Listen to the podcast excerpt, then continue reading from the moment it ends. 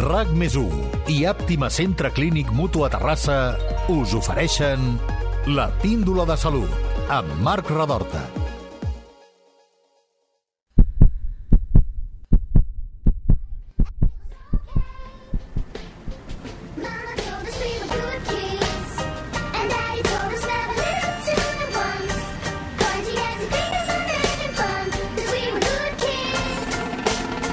Remember asking both my mom and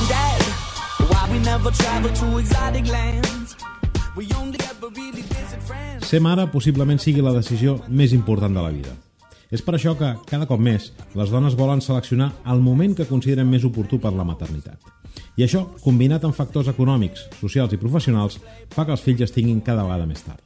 Segons les últimes dades, el 88% de les dones del nostre país d'entre 18 i 30 anys encara no han estat mares. I si mirem el tram que va dels 30 als 35 anys, veurem que la xifra està al 52%. Dit d'una altra manera, avui hi ha més dones menors de 36 anys sense fills que no pas mares. Per posar un context, al 1975 les mares tenien el primer part als 25 anys de mitjana. La fertilitat no és una ciència exacta, però està demostrat que amb els anys disminueix tant el nombre com la qualitat dels òvuls. I el mateix passa amb l'esperma. El resultat és que les possibilitats de tenir fills cau, fins al punt que als 40 anys les possibilitats d'una dona sana de tenir un embaràs natural se situen només al 5%. Quin és el límit d'edat per quedar embarassades? Podem frenar o alentir d'alguna manera el rellotge biològic? Quines tècniques hi ha per ajornar la maternitat sense córrer riscos de cap tipus? Per trobar respostes a aquestes qüestions i a moltes més, avui ens acompanya el doctor Francesc Fàbregas. Ell és professor de Medicina de la Universitat de Barcelona i cap de la Unitat de Reproducció Assistida a Àptima Centre Clínic. Doctor, benvingut a la Píndola Salut. Gràcies. Comencem amb una pregunta relativament simple i òbvia, però que ens servirà per centrar el tema.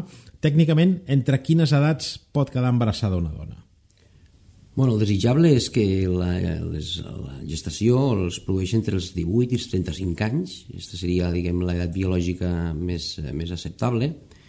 Eh, cert que, bueno, ja s'ha comentat a l'inici, a la introducció, de que eh, hi ha condicionaments que fan que, que això s'estigui retrasant. En el nostre entorn eh, estem parlant de que l'edat mitja del primer fill aquí a Catalunya està situada sobre els 32 anys aproximadament, i per tant hi ha condicionaments eh, conjunturals que fan que tot això s'estigui posposant i per tant estem parlant de que cada vegada es planteja tenir fills més, més, més tard no? fins quan es pot ser mare? és la pregunta no? de fet es pot ser mare fins molt tard eh, de fet eh, hi ha un acord més o menys acceptat entre els especialistes en reproducció assistida que no seria desitjable tenir fills més enllà dels 50 anys és a dir que de fet i avui dia sobretot ho estem veient, és a dir, estem, tenim pacients, persones que eh, desitgen tenir el primer fill sobre els 45, 46 anys i que en aquelles eh, condicions avui dia som capaços d'aconseguir gestacions eh? i per tant sempre tenint en compte els riscos que pot mm, aportar una, un embaràs amb edats més avançades però sí que sembla que fins als 50 es podria assumir una, una gestació sense, sense massa risc eh? De totes maneres, l'edat òptima, hem dit que seria entre 18 i 35, és també durant tota aquesta franja d'aquests potser 18-20 anys, eh, és igual de fèrtil la dona? De fet, la fertilitat va disminuint amb l'edat. Eh? L'ovari és un òrgan que, a diferència de d'altres òrgans del cos que van envellint d'una manera gradual i progressiva, l'ovari no és així, l'ovari té una, una vida molt limitada, és a dir, de fet, deixa de funcionar molt abans de lo que tindria per edat, és a dir, que a partir dels 35 la, la, el, el nombre d'òcits d'un ovari disminueix d'una manera important i també hi ha casos eh, ha més, més raros però que s'ha de tenir en compte i és que realment a vegades aquesta despoblació d'òvuls d'un ovari es produeix d'una manera més accelerada abans d'hora no? i per tant pots tenir pacients que tenen molt compromès la seva fertilitat inclús molt abans dels 35 anys no? moltes vegades explico este tema i és que aquestes tècniques van néixer per a assistir ajudar a, a persones que tenien problemes de fertilitat. Avui les tècniques de reproducció assistida van més enllà, és a dir, estan aconseguint, estan permeten, permeten aconseguir gestacions sense patologia, sense malaltia, sense trastorn reproductiu. Aquesta idea o aquesta um, decisió de posposar la, la maternitat um, a què es deu? Quins són els factors més habituals pels quals una dona no vol tenir fills en aquesta franja que hem dit que seria la natural? Bueno, jo crec que estarem tots d'acord que les, eh, no es tracta de, la majoria de vegades de problemes de, de salut reproductiva, sinó que d'aspectes conjunturals que estan alrededor de la vida de la dona, és a dir que eh, probablement quan biològicament és més factible aconseguir una gestació és quan realment la dona en aquell moment no té un escenari que li pugui permetre tenir fills en aquell moment, no? Per tant, eh, jo crec que bàsicament són problemes no tan mèdics, sinó de tipus conjuntural o socioeconòmic, i cert que també hi ha patologies, eh? això també és cert, no? Creu que hi ha una, una planificació familiar al darrere? Bé, la planificació familiar abans s'entenia com allò de m'he quedat embarassada i no volia. Eh? I, mm -hmm. i segurament eh, hauríem d'ampliar la mirada i veure sí. exactament en què consisteix no? aquest concepte que segurament va en, en quin moment jo vull tenir els fills i de quina manera. No? Um, creu que hi ha una planificació familiar en aquest sentit o que en canvi la parella es decideix o la mare es decideix en el moment en què les circumstàncies són més favorables? Bé, jo crec que hi ha un, un tema aquí que és molt interessant i és que hi ha una gran desinformació des del punt de vista reproductiu eh, amb edats, eh, jo diria que, que jóvens, no? és a dir, la dona té poc coneixement del que és el que nosaltres entenem com reserva folicular ovàrica, és a dir, la seva reserva d'òvuls que té en aquest, en aquest ovari, Avui dia tenim mitjans eh, analítics i inclús ecogràfics que ens poden donar informació sobre quina és l'edat biològica de l'ovari, no? és a dir, l'edat eh, real, de, de, el magatzem de folicles d'aquest ovari. Per tant, jo crec que eh, aquesta és una informació que s'hauria de donar i s'hauria de tenir en compte, però s'ha d'anar també ja, eh, cuidado amb això perquè eh, la informació que tu pots donar en aquell moment pot inclús eh, fer que la dona pugui eh, es vegi obligada a prendre decisions que potser en aquell moment encara no ha madurat. Eh? És a dir, es parla molt del tema de, de, dels països en Europa, sobretot Europa central, de lo que és l'escreening de fertilitat d'una dona. L'escreening vol dir proves que fem per a determinar quina és la seva capacitat reproductiva. No? I aquí hi ha un tema que és molt important, és dir, nosaltres podem fer screening sobre marcadors de reserva de l'ovari, però que no hi ha massa acord és una mica quina és l'estratègia a seguir en funció del resultat d'aquest screening.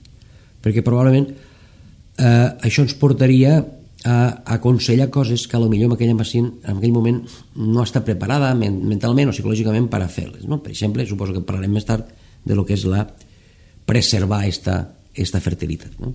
Sí, sí, de fet aquest era el tema que volíem abordar ara. Poden haver-hi dones que tenen molt clar que volen allargar-ho, no sé si tant com sigui possible, o com a mínim fins que les seves feines estiguin consolidades, o fins que la relació amb la seva parella estigui consolidada, o mil altres factors que poden, que poden afectar una decisió tan important com és la de portar una criatura al món. No? En què consisteix aquest concepte, potser una mica de preservar la fertilitat? Com es fa això? Uh -huh. Bé, el concepte de preservar la fertilitat va néixer amb, una, amb, un, amb un en un context molt concret. Era que eh, nosaltres sabem que avui dia una dona pot tenir la mala pata o la mala sort de tenir un diagnòstic d'un càncer, per exemple, i eh, el càncer farà que tingui, es tingui de fer un tractament que pugui afectar de manera severa el seu ovari. No? En aquest context va néixer el concepte de lo que és preservar la fertilitat, és a dir, abans de fer un tractament quimioteràpic o amb fàrmacs que pogués afectar la seva reserva folicular ovàrica, es plantejava la possibilitat de de guardar o congelar eh, òvuls d'aquesta pacient abans de començar el tractament. Aquest escenari, eh, òbviament, s'ha anat ampliant.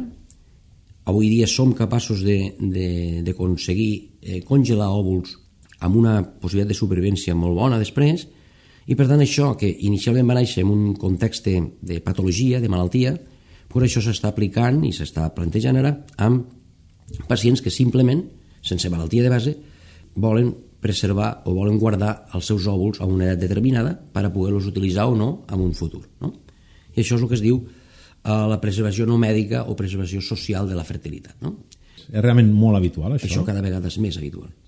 Eh, jo crec que és una, un escenari que el que ens tenim d'habituar, perquè és una cosa que ara mateix no és, això no és res experimental, sinó que tenim dades excel·lents en quant a eh, resultats de l'estimulació ovàrica, eh, possibilitats de congelar un, bon número d'òvuls, supervivència d'aquests òvuls posterior. Ara bé, és important també saber que com més avançada és l'edat de la pacient, menys rentabilitat tindran aquests òvuls quan es descongelen després. És a dir, no és el mateix eh, vitrificar o congelar òvuls d'una pacient de 32 anys que vitrificar òvuls d'una pacient de 38, perquè la supervivència d'aquests òvuls després no és la mateixa. Per tant, com més jove congeles, més possibilitats tens de supervivència d'aquests òvuls i més possibilitats tens de d'ajudar, eh, utilitzar-los després. I és independent? A quina edat després eh, aquests òvuls es, eh, Clar. es fecunden? Clar, clar, perquè aquest òvul té l'edat del moment que es va congelar. Per tant, es pot utilitzar. es pot utilitzar eh, quan sigui, Quan sigui, és evident. Déu-n'hi-do, sí, sí. déu eh, I això s'està fent cada dia, eh, al nostre Això país? s'està fent, s'està no- fent, no és- sí, sí, s'està fent i cada vegada més. Jo voldria també comentar, i en dades eh, que són interessants en aquest sentit, perquè hi ha sèries ja de grups que estan treballant fa anys amb això, i és que, com he comentat abans, eh, és molt més rentable des del punt de vista mèdic congelar òvuls quan la pacient és jove, però també és cert que quan tu estudies i mires eh, treballs publicats sobre el tema i tal, és que com més aviat congeles els òvuls, menys possibilitats hi han d'utilitzar-los després perquè aquella pacient li té una vida mitja per davant tan llarga que probablement con- aconseguirà una parella eh, i ja no necessitarà aquests òvuls. És a dir, que hi ha com una contradicció, no? és a dir, és més bo fer-ho és bo fer-ho abans perquè són de millor qualitat, però com eh, tens una, una, una, una vida mitja tan llarga després encara des del punt de vista reproductiu, moltes d'aquestes pacients de manera natural ho acaben aconseguint i no acaben utilitzant aquests òvuls. No? És a dir, que Ah, D'això dedueixo que també hi ha moltes dones que diuen jo no tinc parella, jo no vull renunciar a la meva possibilitat de ser mare Exacte. i em reservo, eh, com- com a plan B potser, em reservo els òvuls per si en el moment en què jo vull ser mare no tinc parella. No? Exactament. I a més això, eh, a més això eh, tots els que ens dediquem a la reproducció assistida, això ho hem vist, realment dona una tranquil·litat i un, i un benestar a la, a la pacient saber que té allò guardat. Eh? O sigui, això és, és, és cert. Eh? O sigui, el que, des del punt de vista de lo que és eh, benestar psicològic, diria jo, descarrega molt, perquè hi ha un, l'edat està molt demonitzada a, la dona, no? És a dir, el fet que passa l'edat, m'estic fent gran, estic perdent fertilitat... Bueno, però això és un- Passarà l'arròs, no? Exactament. aquesta pressió social, a vegades, Exactament, inclús de la mateixa família. Exactament. No? L'entorn no és... Jo ho explico moltes vegades, l'entorn des del punt de vista reproductiu per a la dona és hostil, Sí, sí. perquè els inputs que rep són molt desfavorables amb això. M'estic fent gran, tinc una carrera professional, però no, voldria ser mare, però no puc. Tot això són inputs que són molt negatius. I, i el fet de tenir òvuls vitrificats o congelats, jo crec que eh, tranquil·litza molt la dona. Què ha de tenir en compte una dona que vol endarrerir la seva maternitat? Quin, quins riscos hi ha? Bueno, hi ha una cosa que és important, i és que això ja des de, des de fa molts anys sabem que eh, l'edat avançada és un factor de risc per, per, per un embaràs. És a dir, Què, què entenem per edat avançada? però, clar, eh, això ha anat canviant. Mm, una dona pot tenir un fill perfectament quedar-se embarassada als 42-43 anys i embaràs sense cap tipus de problema. Eh? Ara bé, com comentava abans, ja sí que hi ha una edat a partir de la qual pues, els riscos augmenten durant la gestació. I s- eh, 50 anys ho havia comentat abans, no? Dir, que a partir d'aquí, cuidado. No? Una pregunta que ara em ve al cap. Um, amb els temes de fertilitat, potser vaig equivocat, eh? però uh, no sé si es pot demostrar en números, però es produeixen més parts múltiples. Combinar això amb una edat avançada entenc que també és un factor de risc associat, no? I tant, i tant, i això a més a més jo crec que és una cosa que està molt, molt acceptada per tothom. Nosaltres eh, amb reproducció assistida, mm, de fet, el, hi ha grans avanços per a minimitzar aquest risc i evidentment el al final això es tracta en, simplement en, en transferir sempre un sol embrió quan fa 10 anys la norma era transferir un parell d'embrions i aquí venien els bessons, hi havia les, les gestacions de risc amb dones d'edat avançada uns bessons eh, plantegen un problema important. Per tant avui dia minimitzem molt el risc sempre transferint un sol embrió, és a dir, disposem de d'elements en el laboratori de fecundació in vitro que ens permeten seleccionar millor els embrions i per tant minimitzar el risc d'una gestació múltiple transferir un sol embrió de qualitat. Per tant jo diria que això és un tema que està bastant controlat Uh -huh. uh, un dels elements claus en tot això és, és la informació, és esvair dubtes, és conèixer a primera mà i per boca d'un especialista tot això que ens està una mica explicant. També hi ha una mica la sensació des de fora que potser quan li arriben a la consulta, potser no sé si és massa tard, però potser aquesta informació prèvia hauria ajudat a tenir una mica més de perspectiva de quina és l'estratègia inclús familiar no? a l'hora de, de fer aquesta planificació familiar. Quin seria el moment òptim per acostar-se doncs, no sé, a, a la consulta d'àptima i preguntar una mica eh, com orientar aquesta, aquesta planificació?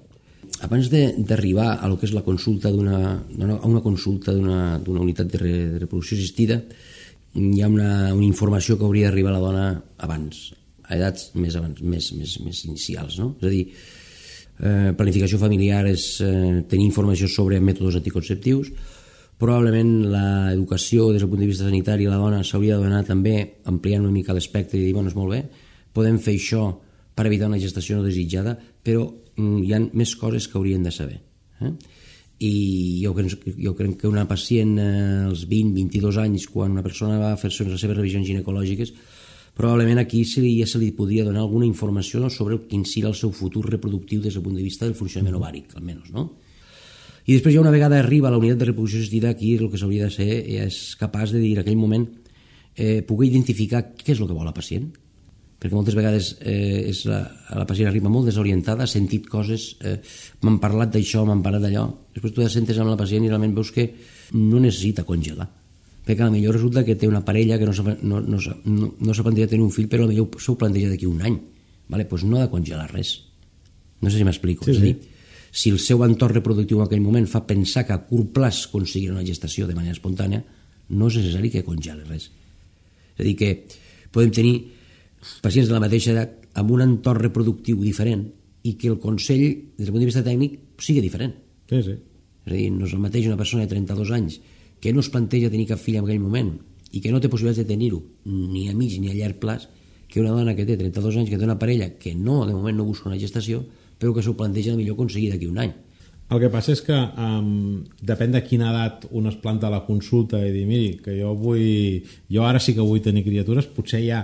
És a dir, aquí necessita un temps. És a dir, no, no és una cosa que digui, doncs miri, vostè demà quedarà embarassada o d'aquí un mes quedarà embarassada. Hi ha tot un procés, entenc, tècnic, eh, per aconseguir aquest embaràs. Eh, qui, qui, quant de temps eh, hauria de pensar una parella, una persona, una dona, eh, que necessita mm, per quedar embarassada utilitzant aquestes tècniques? Vale, cl clàssicament sempre s'ha dit que, que una parella ha de consultar una unitat de reproducció assistida quan s'exposa d'una manera regular durant un any. Eh? A partir d'aquí, si no es aconsegueix una gestació, es pensa, podríem pensar que hi ha algun factor que, que està afectant tot això. No?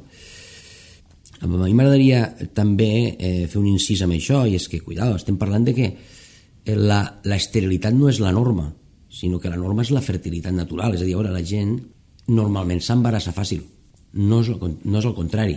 Eh? Vull dir que hi ha una, una mica una, una idea de, a partir d'una determinada edat tindre dificultats per aconseguir una gestació. Home, això no és sempre així.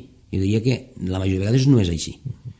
Per tant, eh, jo eh, hi torno a insistir en això, és a dir, crec que el primer que res, òbviament, s'ha d'apostar per la fertilitat natural, però a partir d'aquí pues, eh, començar a fer alguna prova, algun, algun test diagnòstic que et pugui identificar la causa d'esterilitat, però tampoc no d'entrada. No? És a dir, nosaltres veiem parelles que ens ven a la consulta que abans d'intentar aconseguir una gestació ens consulten de quina serà la seva possibilitat reproductiva. I la, la resposta és molt senzilla, és a dir, escolti, vostès no tenen un problema, o sigui, ho tindran quan no ho aconsegueixen. Per tant, no podem eh, preveure la seva fertilitat natural si vostès no s'exposen de manera natural. Eh, acabem parlant una mica de les tècniques. Quines són les més eh, habituals per endarrerir la maternitat i quines són les més innovadores, també?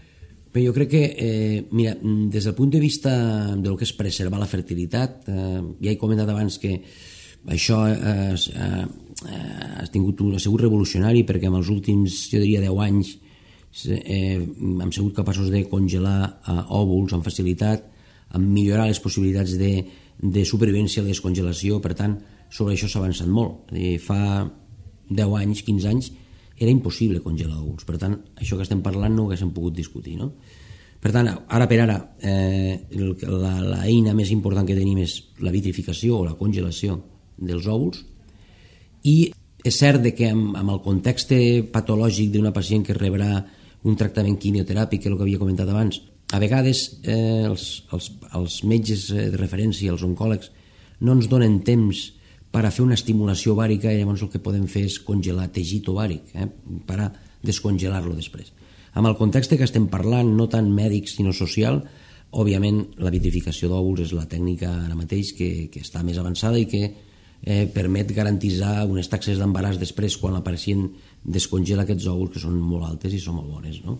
De, estaríem parlant de...